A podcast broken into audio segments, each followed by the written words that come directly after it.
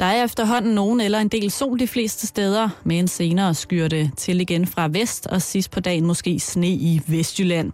Temperaturerne her i dagtimerne fra frysepunktet til 3 graders varme og svag til jævn vind fra syd.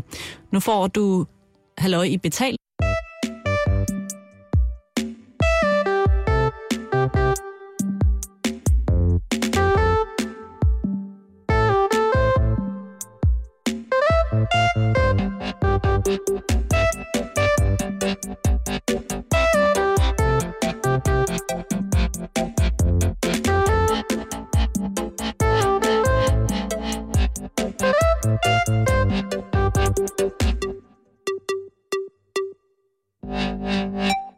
Eftermiddag og velkommen til Halløj i betalingsringen. Mit navn det er Jan Elhøj. Øh, I dag har jeg også to gæster, og øh, den ene, det er Thomas Vins, som er brandmand ved Københavns Brandvæsen, passioneret faldskærmspringer, wingsuit flyer og fluefisker. Velkommen til, Thomas. Tak skal du have. Og øh, den anden gæst, det er Lasse Spang Olsen, stuntmand, filmmand og vel egentlig også alt muligt mand.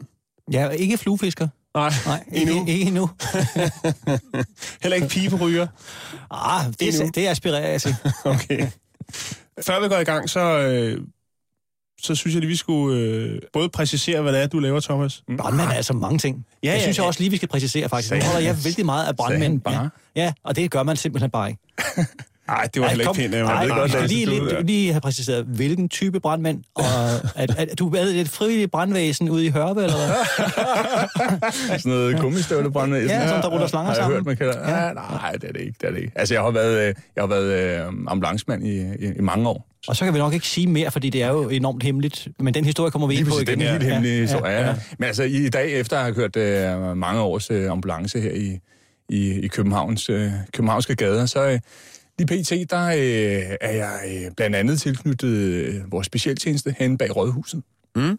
hvor vi laver alt fra avanceret øh, røgdykning til øh, øh, klippe øh, øh, biler i stykker i trafikuheld. Vi har højderedning på programmet.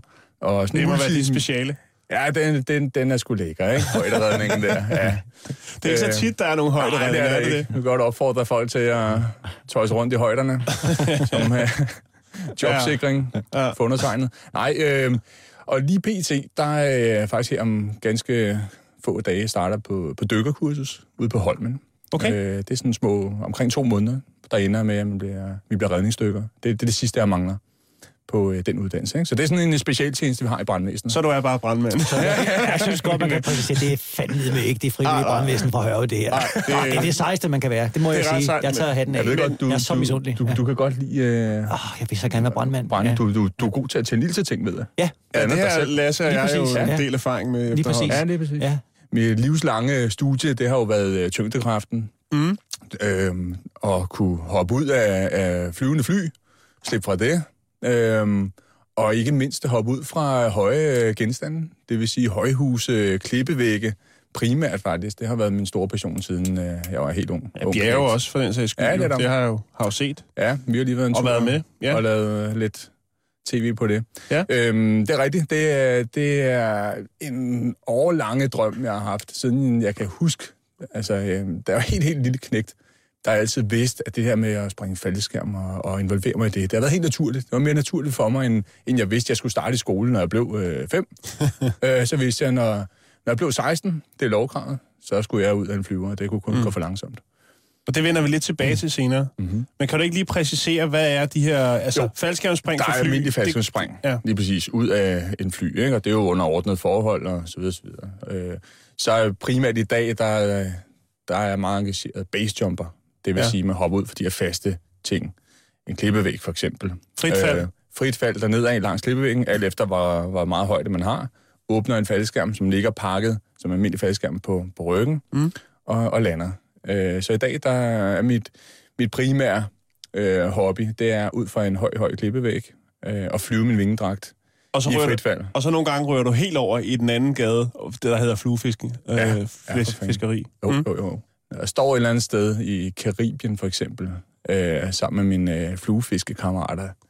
Står der og ser den her fisk komme imod min flue, og den, jeg kan se den, den napper øh, fluen i vandet, og så går den vilde jagt. Altså, der er jeg ved at, for at sige det som der er skide bukserne.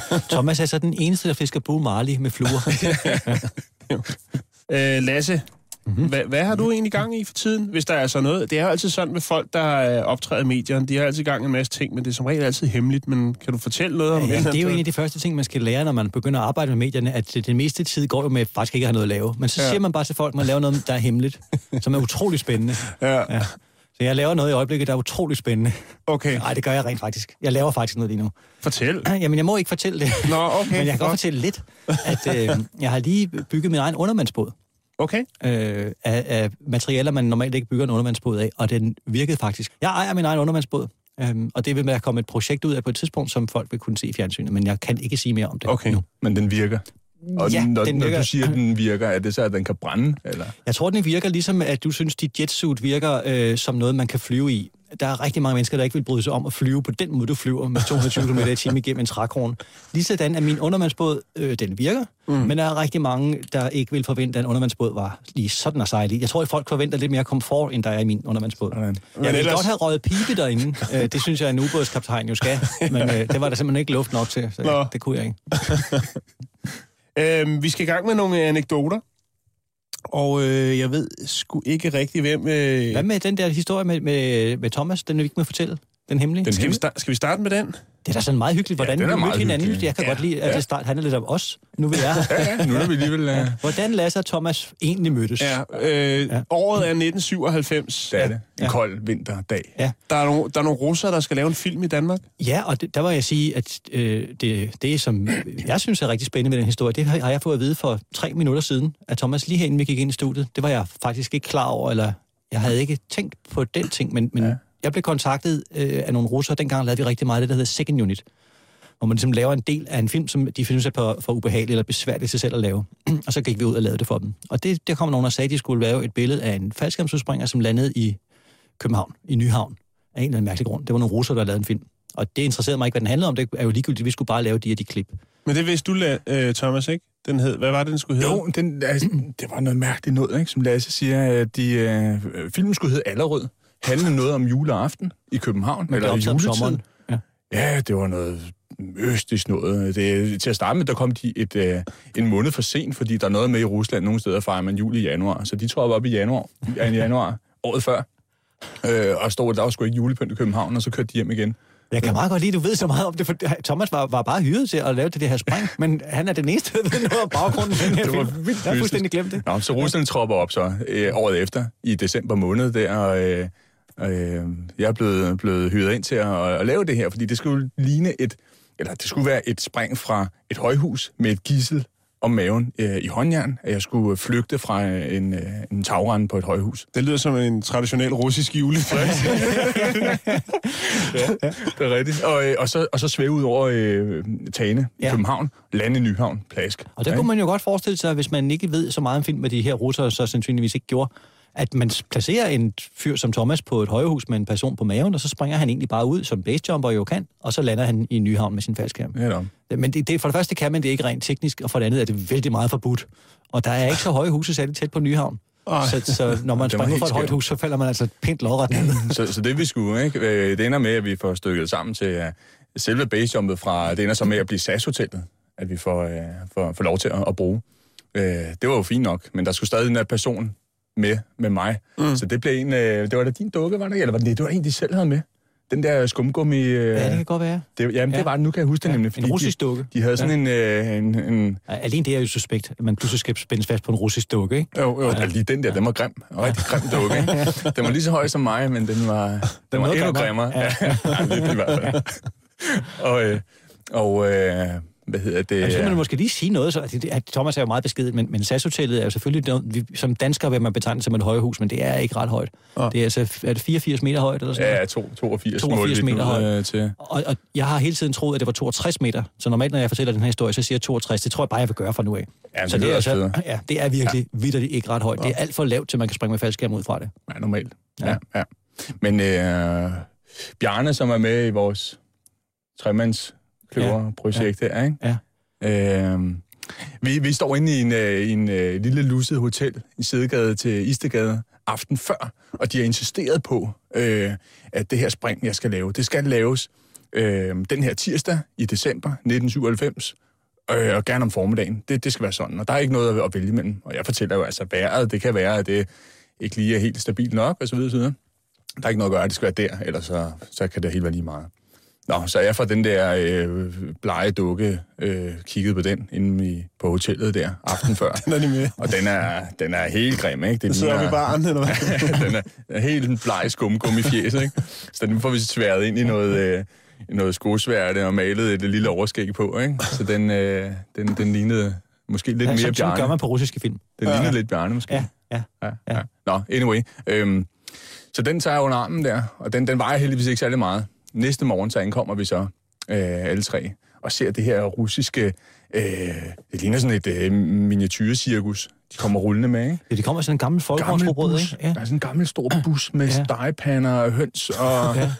Det, store det lignede ikke et filmhold ret meget, men det, Åh, lignede, nej. det lignede sådan en 70'er-film, hvor du skulle forestille nogle russiske gangster. Sådan nogle lignede de her. Eller agenter, Ja, eller hvad? striktophuer og sådan Ja, noget, sådan nogle bredskuldrede mænd, der skaldede med, med en hue på, ikke? Ja, og, det- og, og ting ind under deres jakke. De så virkelig Ja, suspekte. det var rigtig ja. mystisk. Så vi tropper der. Vejret, det, det tegner sig rigtig godt. Helt stille vind. Blå himmel. Øh, dejlig frostmorgen der. Den tirsdag, som det skulle være, ikke? Ja. Så vi tropper op der. Så viser det sig jo, at der er OECE-topmøde på SAS-hotellet. Det vrimler med betjente, sikkerhedsvagter og, Og øh, Bombehunde. hvad? Bombehunde. bombehunde. Alt, Ja. ja. er, alt er simpelthen mylder rundt. og ind kommer, øh, kommer vi marcherende med min faldskærm på ryggen. Øh, En tilladelse, Og, øh, vel også? ja, ja, lige Nej, præcis. ja, altså det kører vi jo ikke så meget med. Øh, men men øh, for det er nok en ting, som man ikke øh, umiddelbart har lyst til at blande sammen med den slags topmøder med regeringsledere, og det er russiske gangster i en bus, der er rusten. Med en skumgummi... Øh, Ja. Og Det er normalt figur. ikke en blanding, man, man, man kører så meget med. Men det går jo først rigtig op for os, øh, da vi står i elevatoren på op til øh, 25. etage der. Hvad delen er det egentlig, der er gang i her, ikke? Mm. Altså, øh, de der russer, de anede ikke, hvad der var op og ned på et kamera. Nej. De anede ikke knap, hvor de var henne. Det eneste, de vidste, at det var, det var her slaget skulle stå. Og det ikke? skulle være lige der. Det var altså det var Ja. kun den dag, de var på og så SAS kommer... Ja, ja, ja, ja, ja. Vi så dem kun den øh, Ja. aften før den Ja. dag der. Nå, men øh, det ender med, at jeg står i tagrenden, og øh, jeg kan huske, at jeg sådan tænker lidt, hvis det her, det ud, øh, udarter sig til sådan en skudduel på, øh, på, på taget. Så var det sgu den, der var bedst stillet, så du var jeg ned. præcis i de aller, aller bedste sko, ikke? Så var det bare med at drible ud over. Man kan lige sige, hvis folk får lyst til at eftergøre de spring, hvad, hvad man godt kan forestille sig, så køber man en faldskærm, det kan man få på nettet, forskellige størrelser. Den skal ikke være særlig stor til det her brug, for der er ikke ret langt ned. Men så skal man huske at springe derfra, hvor du sprang. Det kan jeg huske, det, gik, det, det var meget imponerende. Ja. Thomas gik rundt op på taget og kiggede ud over den der kant, som altså virkelig ligner et femetagers hus, når man står deroppe. Mm. Der er ikke ret langt ned. Men så fandt han ud af, at han kunne faktisk godt lave springet, fordi der er en nedkørsel til en parkeringskælder ude i gavlen. Og der opstår der sådan en, en god turbulens af noget mærkeligt opvind, som jo vil give faldet en form for bremsevirkning. Så skal man springe selv, så spring i den gavl, der vender ind mod København fra hotellet. Siden dengang, der har de faktisk bygget nogle bygninger lige over på den anden side, så Nå, det okay. er sådan lidt skidt egentlig. I dag. Ja, men, men øh, man, kan godt, jeg, jeg for sige, man kan godt lave springet alligevel. Der var også nogle træer, man kunne lande hvis det var. Ja, ja, ja. Ja. Ja. For fanden. Nå, men anyway, øh, lang historie kort, det var lidt spøjs, det der. Jeg får lavet springet, går fint, alt er godt, der lander Hvis man synes, noget. det går fint at lave sådan en slags spring, så skal man nok også lige tage det med et kransalt, fordi du kom ned med, hvad, 80 km i timen eller sådan noget. Altså, skærmen åbnede jo, som den skulle, selvfølgelig. ja. Du Nej, jeg landede lige nede mellem bilerne. Og... Ja, ja, hvis man synes, det, det var en god landing, så... så det, det er svært at forestille sig, at man kan lande med 60 km i timen og synes, det var en god landing, men for dig var det nok meget... Jeg var, da, jeg var da ikke engang nede og rulle. Nej. Jeg stod der. Jeg stod der. Ja. Det er så, jeg, jeg Tip-toe. troede til det sidste, at du ville splatte ud mod asfalten, men øh, Åh, det gik nej, fint. Nej, og Rine, der var der både livrem og seler på den der. snil, snil, snil. Men, men, men den der film, hvor blev den af? Jamen, øh, så, så var der lige kort fortalt, så var der jo øh, det, at vi skulle... Nu havde vi øh, klippet, der, øh, hvor jeg dribler ud fra tagrenden. Mm. Øh, faldskærmen åbner, og så skulle det klippes til, at øh, jeg skulle flyve ind over tagene på Københavns øh, hustage der, og mm. lande et andet sted. Øhm, og det havde vi lidt problemer med at få i kassen øh, den efterfølgende tid.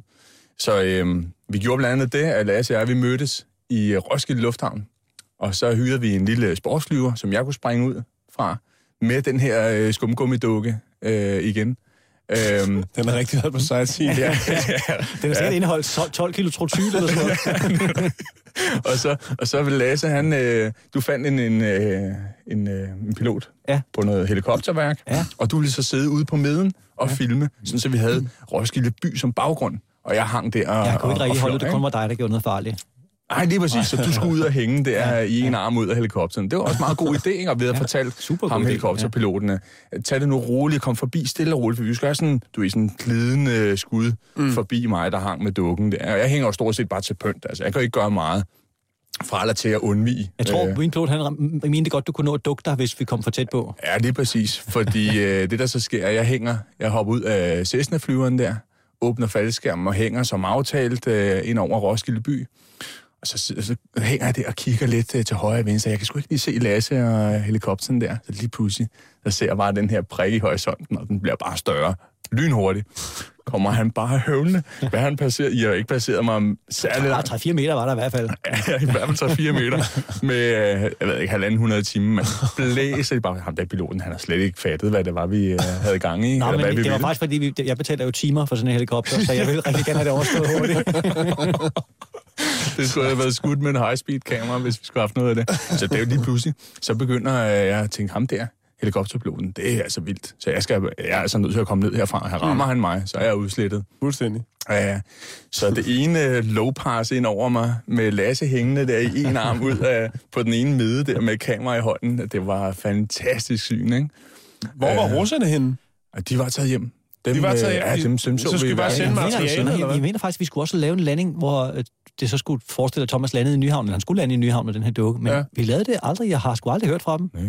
Øh, jeg tror ikke, de var særlig interesserede. Den, den dag, der interesserede dem, det var det der, hvor der var det topmøde, Ja, lige præcis. hvor de skulle ind. Og så gled de igen. Så kunne, Og så så, så kunne vi så- selv ligge og rode med resten. Ja, præcis. Vi var så Havde I noget manuskript, eller der var ikke noget? Altså, Intet.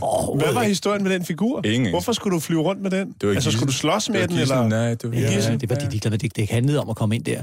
Og det hjalp dem jo også med, så de har helt sikkert været inde. Men der skete jo ikke noget til det møde. Det der var jo ikke nogen er eller, Det kan da sagtens være, der er forsvundet en eller anden russisk statsleder. Det gør der jo hele tiden. eller der, de har sat mikrofoner Jeg er ikke sikker på, at det har nogen betydning i virkeligheden. Der er masser af russer. Det kunne godt være, at den de, skulle placere mikrofoner, men jeg tænker bare, sidste gang jeg har set nogen øh, gå forklædt ind øh, på SAS Hotellet, der var det Olsenbanden, hvor de klæder sig ud som rengøringsfolk. Øh, folk. Jeg vil sige, at de var bedre klædt ud end de her. Det var, det var, det var noget mærkeligt Altså. Det altså. var det. Nej, vi hørte Ja. aldrig fra dem. Nej. Aldrig nogensinde. De øh, tog deres høns og deres stegepander, og så kørte de øh, hjem af. Jeg er heller ikke sikker på, hvis det nu har været en film, at den er blevet særlig fremragende. Fordi det vores, jeg vores hjælp har ikke gjort den bedre. Men, øh, ja, men øh, jeg hænger så der over Roskilde by og finder ud af ham piloten her. Han er... Han, han, han ender med at slå mig ihjel. Eller også er det Lasse, der gør det. Altså. det Så jeg måtte hellere til at komme, komme ned i en huins fart, ikke? Så jeg spænder ned der. Og så, øh, så lander jeg ude ved, ved motorvejen der. Jeg, jeg synes øh, næsten, at øh, vi skal blive lidt i luften, Lasse. Øh, for du har, øh, du har været øh, med til at lave en julekalender, Ja. Hvor du var nissepigen Puk. Det er ikke noget, vi skal snakke så frygtelig meget om, at jeg har været nisse en buk, synes jeg nok. Jo, lige i dag skal vi. Okay. Fordi jeg synes simpelthen, den historie, det er så... Altså, det er jo... Øhm, der er jo rigtig mange, der spørger sådan, "Nå, hvad er så det farligste stunt, du har lavet? Og jeg vil så gerne sige et eller andet med, jeg hang ud af en helikopter og så. og så. I en arm og Ja. russer. Men det farligste, jeg har været med til nogensinde, var rent faktisk i øh, ikke bare pigetøj, men nissepigetøj. Og øh, det er ikke rart at lave et farligt stunt i nissepigetøj, fordi man, øh, der løber jo nogle tanker igennem hovedet på en af ganske alvorlig karakter, hvor man forestiller sig, at de her ambulancechauffører, der læser en ind i ambulancen, og så kigger de måbende på hinanden, og så har man nissenejdernes strømper på, ikke? Og kjole. Det er bare ikke fedt. Altså, hvis man endelig skal komme til skade, så skal det helst være lidt sejt, ikke? Det er det ikke at have nissepigetøj på. Men hvad skete der? Jamen, jeg skulle være nissepigen Puk, der, øh, der kommer med på ballonen, som flyver til Grønland. Og øhm, Danmarks Radio med deres vanlige øh, klygt og produktionsplanlægningssnille havde valgt øh, den mest blæsende dag på året, hvor den her ballon skulle stige. Og Den russiske øh, model. ja, den dygtige, øh, rigtig, han er faktisk sindssygt dygtig, øh, på det tidspunkt nok den bedste danske og øh, indfører af ballonfarten i Danmark overhovedet. Øh, ballonmand, han sagde, det kan man ikke, vi kan, sgu ikke, vi kan ikke lette i dag, for hvis vi letter, så stryger vi af helvede til det blæste 16 sekundmeter eller sådan noget. Mm. Og sådan en ballon er en stor flade. Så den bevæger sig altså med samme hastighed som vinden. Det er jo ligesom sådan, princippet fungerer i en luftballon. Ja. Men det var Danmarks Radio egentlig ligeglad med, fordi de manglede bare det billede. Og det blev så optaget om sommeren ude i Allerød et sted, eller sådan et sted, øh, Ganløse, tror jeg. Og jeg skal kravle op den her repstige, mens ballonen den stiger. Og det var så en øh, øh, meget velegnet repstige til formålet, som var købt i BR, og så forlænget ved at blive, den var bundet sammen. så det var sådan en, en. Okay. Men Nisse Pien Puk kravler tappert op ad den her stige, og og når man så kommer ombord i den her kurs, så forventer man jo sådan en vis form for respons på ens stunt, som jo er en lille smule farligt, ikke? Jo. Men der var nissepanik i kurven, da jeg kom ind. Fordi de to, der skulle forestille at være resten af nissebanden, det var ballonskiberen selv og hans kone, der også var klædt ud som nisser. og jeg forventede ligesom, de ville klappe mig på skulderen og sige, godt klaret, min dreng, godt, du ikke faldt ned og sådan noget. Det gjorde de ikke. De Okay. kartede rundt op i den der kur, fordi den var blevet taget af vinden, ikke? Og den strøg afsted. Så han forsøgte bare at få den ned, den her ballon. Hvilket også lykkedes fint. Den, øh, var kommet utrolig højt op, fordi øh, der var så meget vind, så vi var oppe i 300-400 meters højde og sådan noget. Og så forsøgte han at få den ned igen øh, med stor fart. Øh, og der ligger et, en kæmpe stor transformatorstation øh, et par kilometer fra, hvor vi var gået op. Og for vinden gjorde, at det passede præcis med, at det ville være vores landingsbane. Og hvis man kender sådan en transformatorstation, så er der altså sådan noget, jeg ved ikke, hvor meget strøm der er i, men 3x63 gør det ikke. Mm. Det er virkelig, virkelig, virkelig meget strøm. Ikke? Og fyldt med sådan nogle luftledninger og mærkelige master og dit og dat. Og der var vi på vej lige ned i med luftballonen. Og der, der, det, det lyder fjollet, men der, der var vidderlig panik i den her ballon, fordi mm. der var sket det, at øh, gasflasken sad ikke ordentligt på. Når en ballon fungerer på den måde, som en varm luftballon, at den laver en flamme fra gas, som laver øh, en- varm øh, flamme op i selve ballonen, og derved stiger den, når der kommer varm luft ind i den. Hvis der ikke kommer noget varm luft ind i den, så stiger den ikke, men falder ned. Eller lander stille og roligt. Ikke? Og det var den i gang med nu. Øh, men han kunne ikke tænde gassen, fordi gasflasken havde ikke været helt tæt slutten, og når den ikke er det, så køler den ned og fryser til. Så ventilen var frosset i gasflasken. Okay. Så nu var vi altså på vej til at lande med sådan 100 km i timen i en transformatorstation i en stor luftballon iført nissetøj. og han kunne ikke tænde gasflasken igen, så han kunne ikke få den op igen. Og, det, altså, bare det billede, man ser nogen, der står i panik i sådan en luftballon i nissetøj, det er jo... Jamen, det var skrækkeligt. øh, og så, så råbte han, hold fast! Og hans kone øh, hoppede så ind i hjørnet af ballonen og holdt fast. Og han selv hævde en ny gasflaske ud til, han en reservegasflaske, som han forsøgte at få ud og få sat på gassen. Og det lykkedes så i sidste øjeblik at få den på og få tændt den her nye flamme. Så ballonen stiger lige hen over transformatorstationens hegn, men den stiger ikke nok. Og vi er altså på vej nu i jorden, så han råber bare, hold fast! Og hun tager så det hjørne, hvor de her remme sad fra den gamle gasflaske, for hun kan holde fast i og Ja. ja. presse helt ind i hjørnet. Men Nissepin Puk er ikke så vant til at falde ned i luftballoner. Så Nissepin Puk ved ikke helt, hvad hun skal gøre af sig selv. øh, og, og, og tror ikke rigtig sine egne øjne, for jeg havde virkelig altid drømt om at flyve luftballon. Jeg har aldrig prøvet det før. Jeg havde set frem til den her dag i månedsvis, og forventet sådan en tur ud i solnedgangen. Kompromiset var så nissetøjet. ja, det ville være okay. Hvis, men det var ikke sådan, jeg havde forestillet mig, at min ballontur skulle ende. Men den endte så med 80 km i timen ind i et øh, stråtag på et bondehus. Og jeg kan godt sige, at øh, det føles måske, hvis man sidder i en bastkurv og rammer et stråtag, så tænker man, over her bevares. Men den stopper. Hold kæft, den stopper. Men problemet er, at ballonen stopper jo ikke. Nå. Det er kun kurven, der stopper. Så kurven, den stoppede, den ramte stråtaget, og så bouncede den altså baglands op og hang nu vandret efter den her ballon, der jo var kommet et godt stykke længere i mellemtiden. Hvorved kurven, den svinger som sådan en pendul lige ned i et hestehegn og en grøft. Så fjerner vi hele det der hestehegn og en del af grøften smudder, og så trækker vi hen over sådan en mark, letter lidt igen og baller ned næste komahegn den her gang. Øh, og sådan 200-300 meter senere, der ligger ballonen så, så ned på den her mark. Og så kan man se sådan et spor, et plovspor, det ligner sådan en skyttegrav, hvor der ligger nisseudstyr, kufferter og nissesække og nissehuer og Du træsko. var på vej til Grønland, ja, selvfølgelig. Og så drøner der sådan nogle kvier rundt, fuldstændig forvildet, for de har aldrig nogensinde prøvet at få en luftballon ned i hovedet før. Øh, og vi, vi er helt fortumlede selvfølgelig. Vi ligger jo, altså hende der, øh, ballonskiberens kone, hun havde, hun havde vendt sig om i det hjørne, så hende, og vidderligt, det er ikke overdrevet det her, hendes ben stak opad, der hvor hendes hoved før havde været. Sådan lå vi. Jeg kravlede ud og tænkte, okay, jeg er stadigvæk i live, det var dog fantastisk. Så står der en familie, hvis kvier det sikkert er, og hvis stråtag det sikkert også mm. var, det var så et ekstra stråtag på det her tidspunkt, øh, de står og kigger på os, og de står trip, trap, træsko holder hinanden i hånden. Far, mor og tre børn står fuldstændig åbne øjne og åben mund og står bare og glor. Midt om sommeren er der landet en luftballon i deres tag, fyldt med nisser. Det- det kravler sådan nogle fortumlede nisser ud. Børnene, de tænker, julemanden, kanen... Og for det første er det om vinteren, han skal komme. For det andet, så er det, han skal helst ikke styre den ned i deres hus, han skal bare Åh. lande på taget. Ikke? Ja, det er det. Og der er ingen, der siger noget til dem. De, vi er så fortumlede og forvirret over det her, at vi begynder bare at samle vores ting sammen. Og ba- ballonen bliver rullet sammen, den skal sådan pænt folde sammen, og kurven bliver stillet op, og så går vi ud til vejen, står og venter på, at der kommer nogen og redder os. Det gør der så. Jeg kan ikke huske, at der var på noget tidspunkt nogen, der sagde noget til den her familie, der stod bare stod og tænkte, øh, vores tag er ødelagt, og begge vores hegn er ødelagt, alle vores dyr er stukket af. Og nisserne siger ikke noget til os. Hvor fanden kom de fra? Men øhm, jeg må så sige til gengæld, at øhm, jeg havde jo så lang tid et ambivalent forhold til det med at flyve luftballon. Mm. Øh, og jeg blev senere rigtig gode venner med den her, øh, mange år senere, 20 år senere tror jeg, jeg mødte den her lu- luftskipper, som desværre... Så er reunion? Ja, og han øh, tog mig så med ud, og han kom op i min egen have, hvor jeg bor på en bakketop. Øh, og så landede han med sin luftballon, og hans kone var der også i denne gang. Ikke iført nissetøj, hvilket var en kæmpe, kæmpe fordel. Og med min familie fik, kom vi så op i luftballonen og fik en tur ud over Sjælsø, direkte imod solnedgangen. Altså man skulle tro, det var Fedt. sådan en sæbereklame fra Sydafrika. Det var helt fantastisk. Så fløj vi lige ind til solen, gik ned og landede på en mark. Denne gang fuldstændig uskadt. Så mit, mit forhold til luftballoner er fuldstændig genoprettet.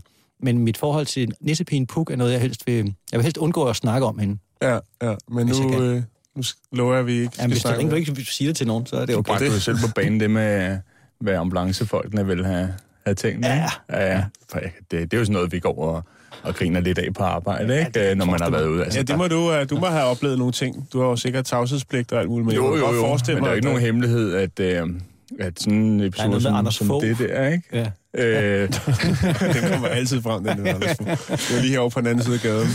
nej, men altså, der, der er nogle gange, der, der tænker, okay, der var de sgu kreative, ikke? Mm. Et eller andet, et, en episode, skadested, et uheld. Så okay, der skal meget til at overraske en, når man har ja. rendt rundt i det Åh, men i, der- i 15 altså- år, ikke? Men den der med nisse, nissekostyme er ny. ja, ind over stråtag Ja. i en, øh, en flyulykke, som det egentlig er, en luftballon, Ja. øh, den er sgu kreativ. Ja, jeg tror også, det var derfor, vi ikke sagde noget til dem, der boede der, fordi vi siger, hvad er der sket? "Mm, Det kan man ikke forklare. Nej, det er ligegyldigt. Der er ingen, der vil tro på det her. Og det kunne egentlig den historie fra med, med den russiske film der, hvis den havde udviklet sig til noget, der havde været lidt mere drastisk, så ville man heller ikke kunne stå og sige, at der kom nogle russer i sådan en øh, bus med nogle høns, øh, og en skumgummi dukke, og så skulle vi øh, altså bagefter Jeg vidste ikke, det var fyldt med dynamit, den. Nej. Det var en stor mikrofon. Ja. øhm, I har jo mødt hinanden før, og vi har, vi har jo så lavet et tv-program sammen jo. Mm. Ja, det, kan, det kan du faktisk sige til Aspekto, for det har vi jo også. Det har vi jo også, ja. ja. Men nu skal det ikke... Ja. Men ja. Ja, det er jo bare fordi, at, at, at vi havde jo faktisk en, en, øh, en sjov oplevelse sammen, da vi var. Vi boede, på, øh, vi boede sammen i to dage eller sådan noget. Ja, ja, den, øh, vi lavede et program om øh, dig, der fløj øh, i dit wingsuit, og din passion for det. Mm. Øhm, og vi bor så på en, øh, en, en campingplads. Vi skulle først ned på en Ja. campingplads, men ham, der havde det, han var Han var fuld for stiv. og ondskabsfuld, og Ja. ville ikke have nogen gæster på sin campingplads. Han vil hellere slås. Oh, ja, men altså... Ja, vi, overvejede, faktisk, vi overvejede faktisk at køre derned bare for at filme ham, bare for at spørge ja. igen, om der var plads. Du havde lige været der en time før, hvor han sagde, at der var lukket, folk skulle bare skrue af og sådan noget. Så snakker vi om, at vi ville køre derned igen. og lave lige en lille... Men vi lille- havde lidt travlt, ikke? Vi havde lidt travlt, ja. Ja, og vi, vi havde skide travlt, faktisk. Den dag der, hvor vi ankom. Og jeg havde, jeg havde researchet på det hele. Jeg vidste præcis, jeg skal ned til den her campingplads, så Jan og jeg, vi kan øh, lave de optagelser mm. der. Og vi havde kørt rundt i min, øh, min varevogn der i, i en dags tid. Øh, og ankommer, og så, så er han bare blevet for stiv, ham her campingpladsejeren, ikke? Ja, men det kan jo godt ske. Det er jo Det, er, det kan smutte. Det kan smutte. Klokken var også over et, ikke? Om eftermiddagen, så... Ja, ja. Men han ville, han ville, altså, han ville sgu hellere slås. Altså, han var virkelig ondskabsfuld, Ja. ja. ikke? Og lige pludselig, i den her lille by, Vallenstart, der er der kun den ene campingplads.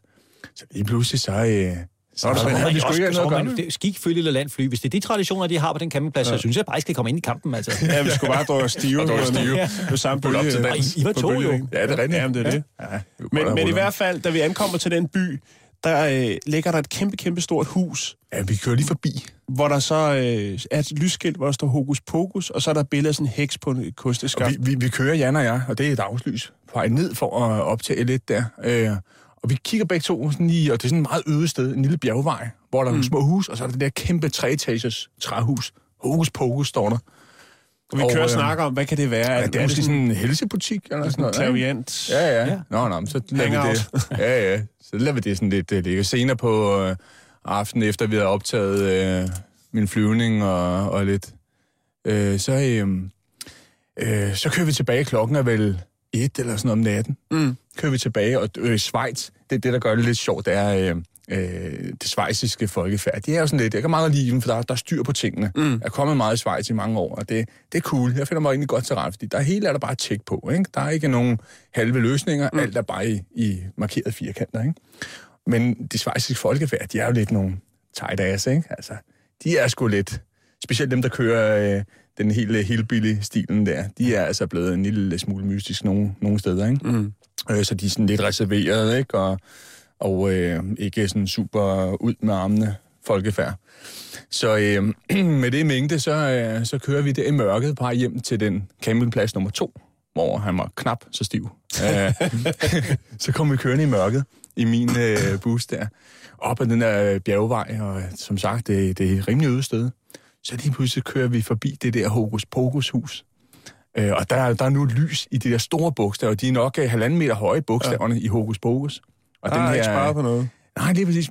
og fra om dagen, der var der helt øde.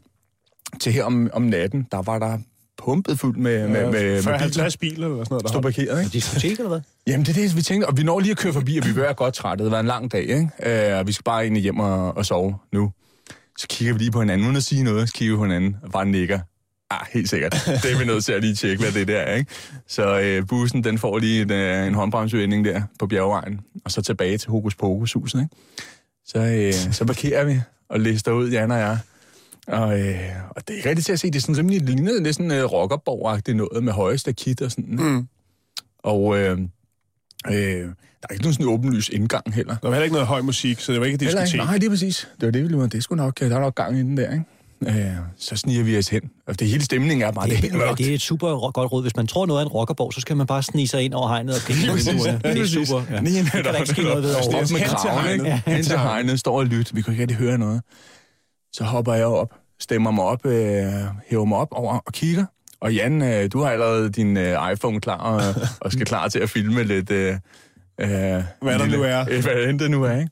Så som to små knægte på æblerov der, så, så hæver vi os op der over plankeværket. og til synen kommer der et rimelig stort vindue i stueetagen. Øh, ikke andet end 5 meter foran os, foran hegnet der. Og der er rød, rødt, mørk belysning inde. Og lige det, vi stikker snuden op over så ser vi bare ham her, den store brede svejser, med Heinz cykelstyre øh, overskægget, sidde der i bred format, med uh, godt tilbagelænet, en overlenet stil. Så sidder han der og splitter en øjne, du.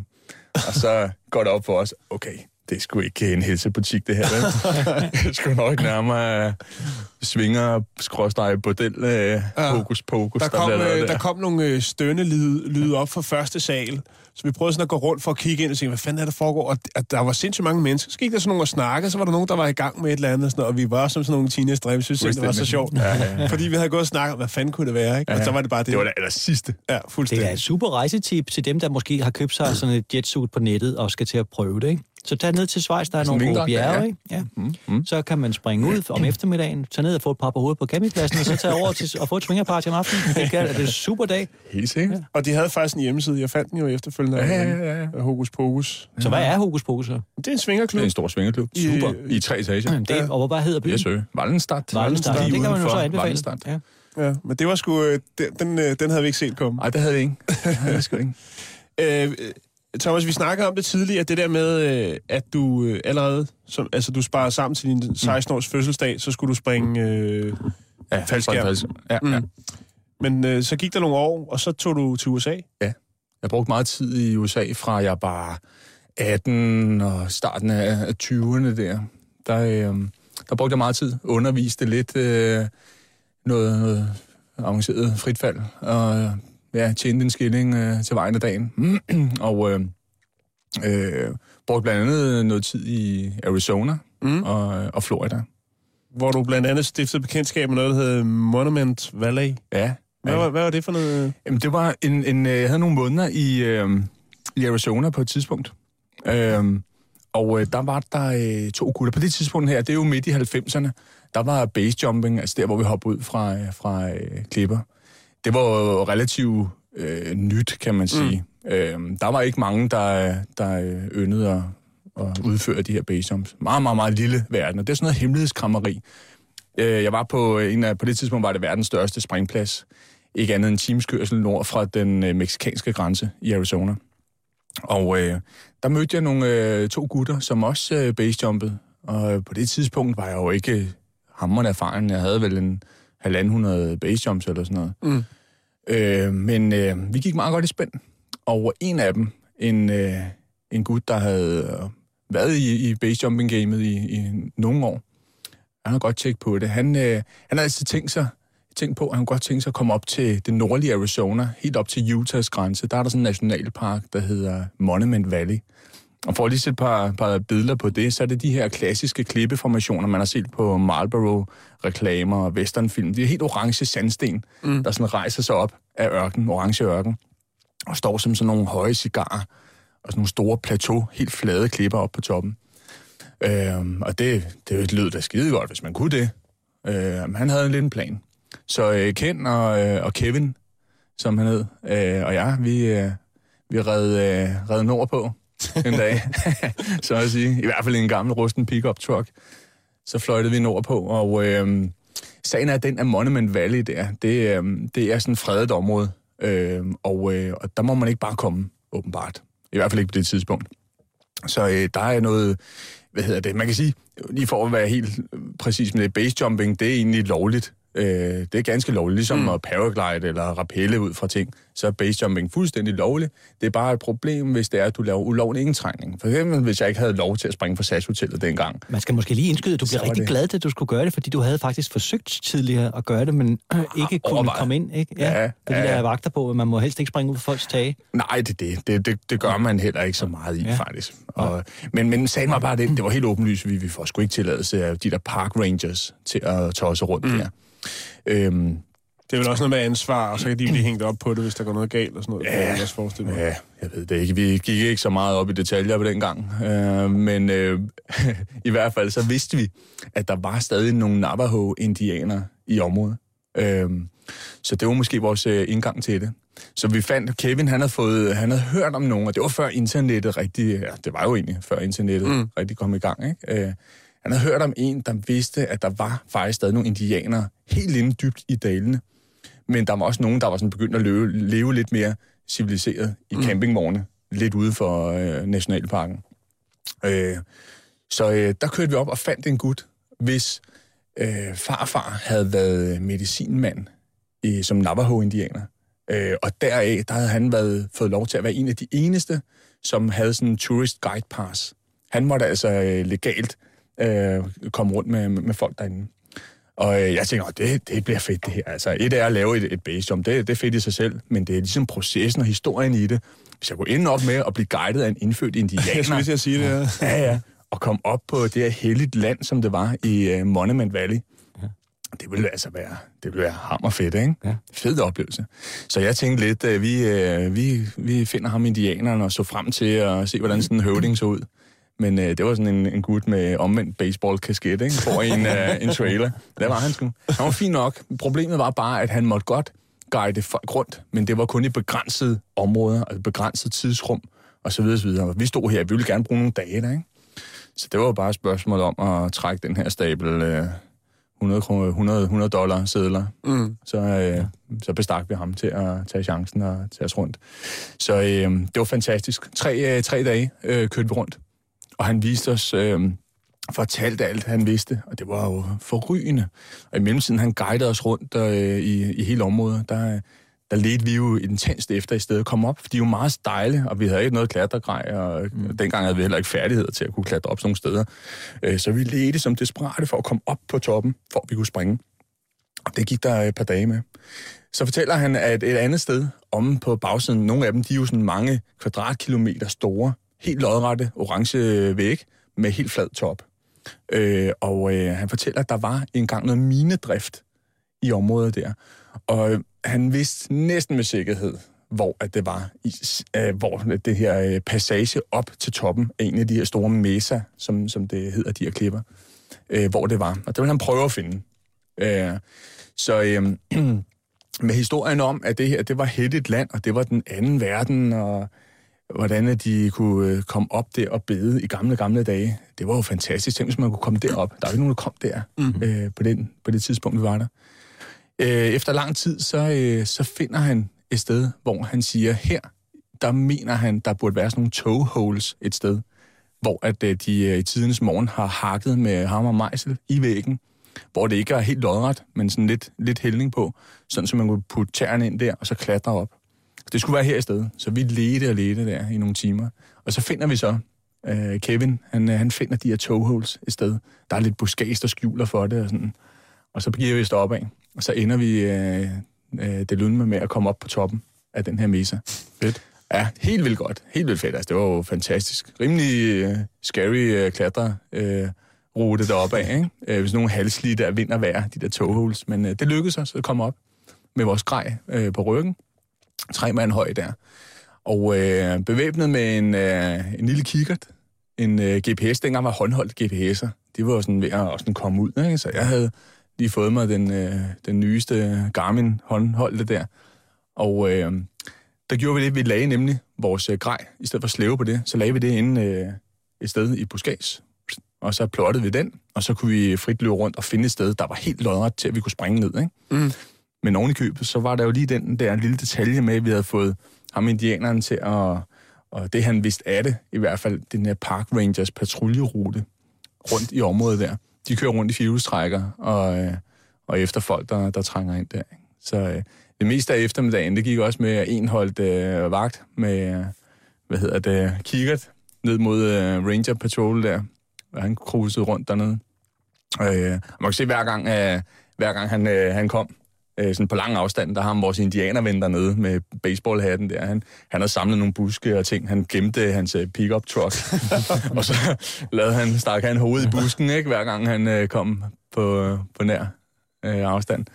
Øh, altså, det, var, det, var, det var lidt sjovt. Det var lidt sjovt at gå der sådan et sted, hvor at, øh, der er ikke, øh, med garanti ikke nogen, der har været der i rigtig, rigtig mange mm. år. Ikke? Super, super fedt. Fik I sprunget? Øh, ja, så sidst på lige omkring mørkefald, der finder vi et sted, som øh, er ideelt. Øh, vi venter lidt på, at vinden den bliver, bliver god nok. Kaster et par vindindikatorer, noget bund rundt bare toiletpapir med en lille sten i, så vi kan se, hvad vinden gør. Mm. Vi finder et sted her, som er... Øh, vi timer den til 5 sekunder på rock drop. Vi kaster en sten. Dengang i dag, der har vi jo laser afstandsmåler og fancy udstyr, ikke? Dengang, der kastede vi bare en sten ud over og tog tid på et stopur. Og tænkte, ja, den, den er god nok. Det kan vi godt klare herfra, ikke? Og så tog vi bare til løb. Så Kevin kender jeg, vi, øh, vi løb ud over kanten der i sol solnedgangen med de orange, høje, øh, cigarformede klippevægge, vivlende ned øh, hvad så med indianeren? Han stod bare helt alene tilbage og skulle kravle ned.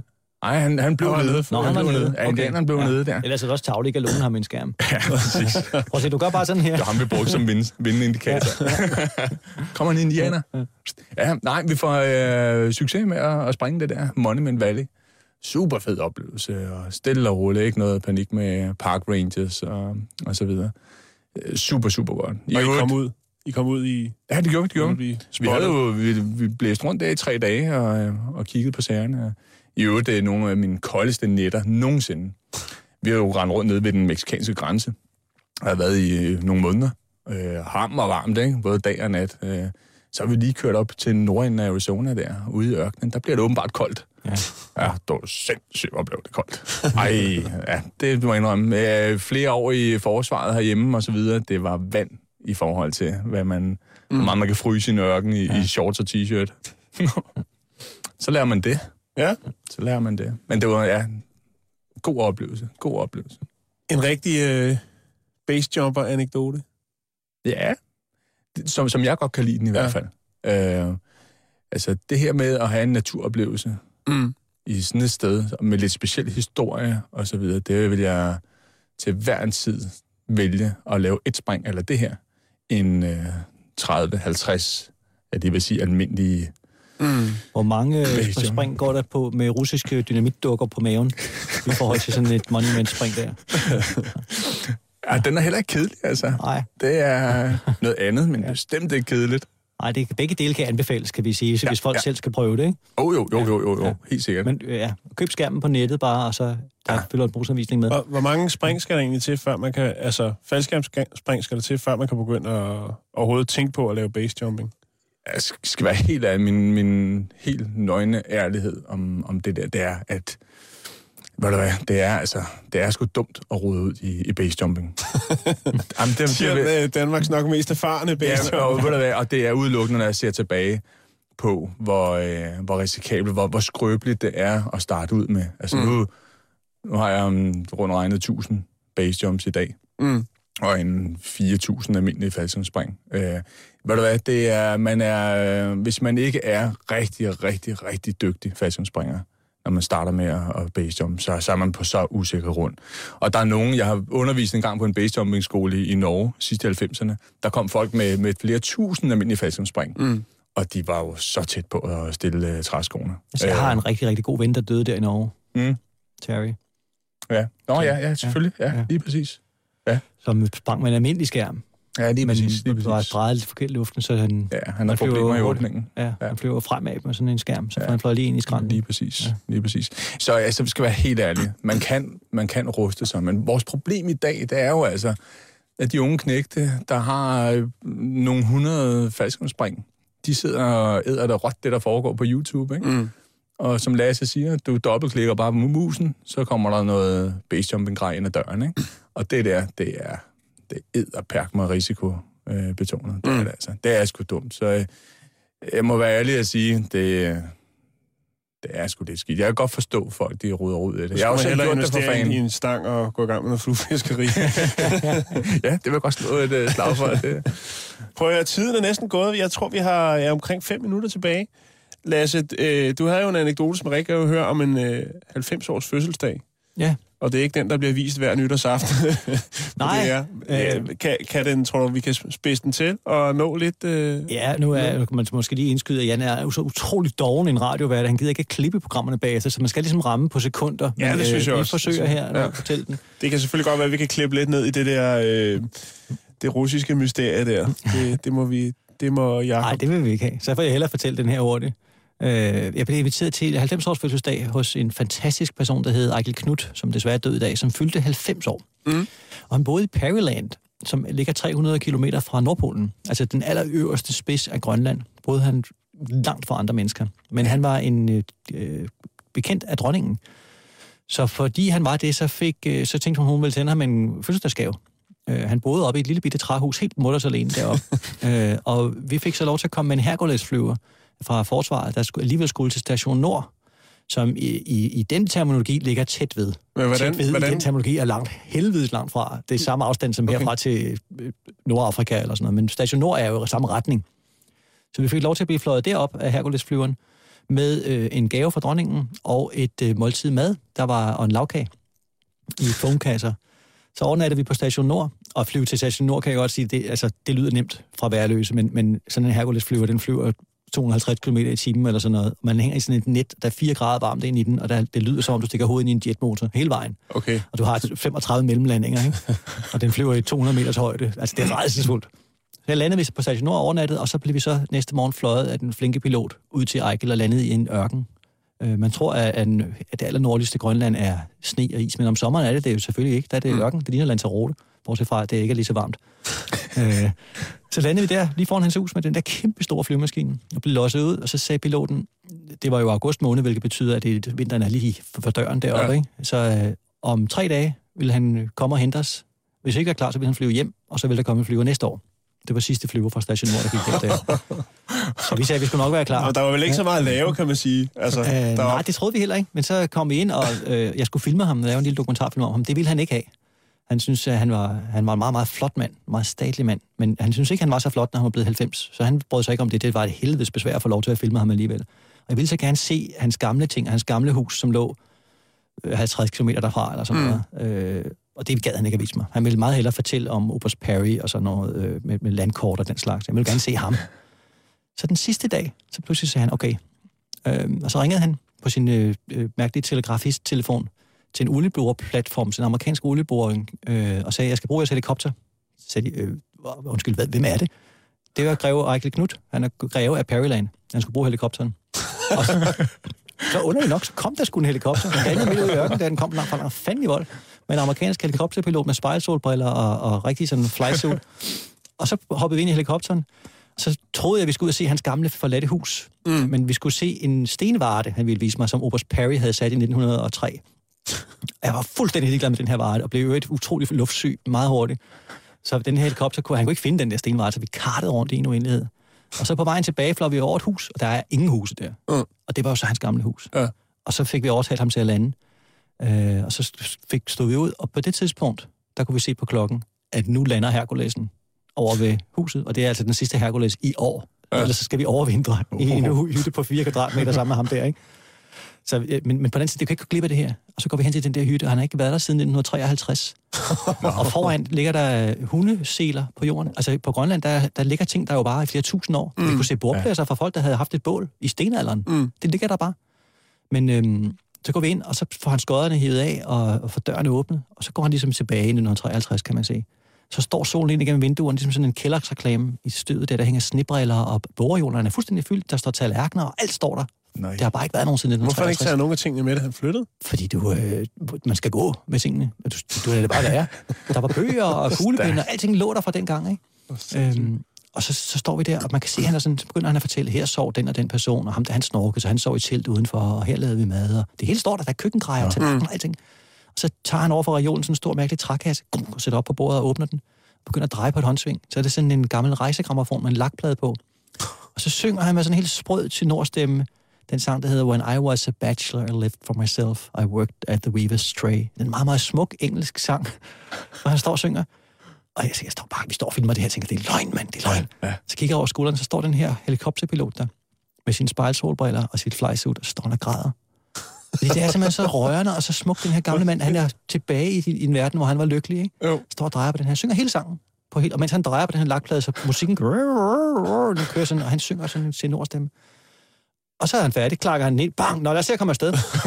Okay? Så ud til helikopteren, så flyver vi tilbage. Vi ved, at nu er det for sent. Og der er helikopter, eller, og det er, det er ikke for at gøre en bedre historie ud af det, men den er i gang med at take off, den der Hercules, uh. med sine propeller, vivler den det der støv op. Og så lander helikopterpiloten foran den, bare ned, Ej, ja, og bremser fuldstændig det der. Og så åbner radiologen bag i, og så er der en fyr, der stikker hovedet ud. Der giver altså det største møgfald, jeg nogensinde har fået i mit liv. Og sådan en militærmand, der er sur. Ja. Han er sur. Og så, så siger han bare, ind med jer, mand! Jamen, hvad, alt vores udstyr ligger inde i huset, og vores soveposer og vores kufferter. Ind, siger han. Enten nu, eller så flyver vi næste år. Okay, wow. så hopper vi ind. Vi har kamera, og heldigvis har vi tasken med de bånd, vi har lavet. Vi får så vinket farvel til Eichel, øh, og hopper ind i flyveren, og så, puff, så flyver den. Øh, og det var fordi... så, havde han, så fik han lidt ekstra gaver der i form af de kufferter. Ja, og... altså, min, min, mit tøj ligger stadigvæk i Perryland, og fotografen så lydmandens. Og så øh, har vi forsinket dem utrolig meget. Der sidder så nogle rigtig sure militærfolk, fordi der var en, jeg tror, firestjernet general, der er en eller anden grund var på Station Nord på det tidspunkt, og han skulle hjem til et topmøde, et sådan et generalstabsmøde. Så han var rasende, for vi havde forsinket det, jeg ved ikke, en time eller en anden time, mm. der sur, så de kommer ind i et uvær og flyet bliver nødt til at lande i Strømfjord, og øh, han når ikke sit møde, og, og vi bliver sat af, og vi får ikke lov til at flyve hjem, så vi strander sig i Sønder Strømfjord og skal selv finde hjem på Sønder Strømfjord, uden at have en kron på lommen. Altså, når man har en Hercules flyver, har du ligesom ikke taget noget med, fordi ja, ja. Der har du, det var jo ikke en almindelig flyver. Så, så vi bliver bare sat af i Sønder Strømfjords lufthavn, hvor der så er uvejr i en uge. Så vi bor i en container, tre mand i den samme lille bitte enkeltmandsseng i tre dage, indtil øh, nogen, der låner os penge, så vi kan flyve hjem derfra. Men det var en stor oplevelse, det der med at stå i det hus der og at se den gamle mand synge. Det er da helt vildt. Ja. Hvorfor var, hvorfor, altså, jeg mener, hvor, hvordan ender man med at bo sådan et sted? Det der, Han er en meget berømt polarforsker på linje med Knud Rasmussen og Peter Frøken. Mm. Øhm, øh, måske endda, øh, kan man sige, de ting, han har gjort, har haft mere, har videnskaben haft mere gavn af, fordi han lavede ikke bare sådan noget, men nu skal vi se, om jeg kan køre over det her. Han, han, han har tegnet de kort, der findes deroppe, og mm. en hel masse meteorologisk forskning, og var en, i øvrigt en fantastisk billedhugger samtidig. En meget, meget interessant person på mange måder. Men... Øh, han, da vi var deroppe dengang, der sendte han stadigvæk hver morgen en øh, radiomelding over til Station Nord, hvor han øh, kom med millibartallet og temperaturmålingerne og alting. Og de søde telegrafister derovre tog jo pænt imod det, men de havde jo altså satellitmålinger og alting. Det, det har haft de 50 år. Men øh, det var jo det, han gjorde dengang. Det vejret i Europa dannes over Grønland.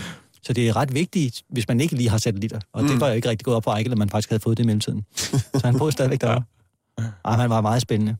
Det var da vildt, at uh, han så fik, ja, en fødselsdagsgave for dronningen. Det, øh... Ja, og lavkage. Og lavkage, ja. ja.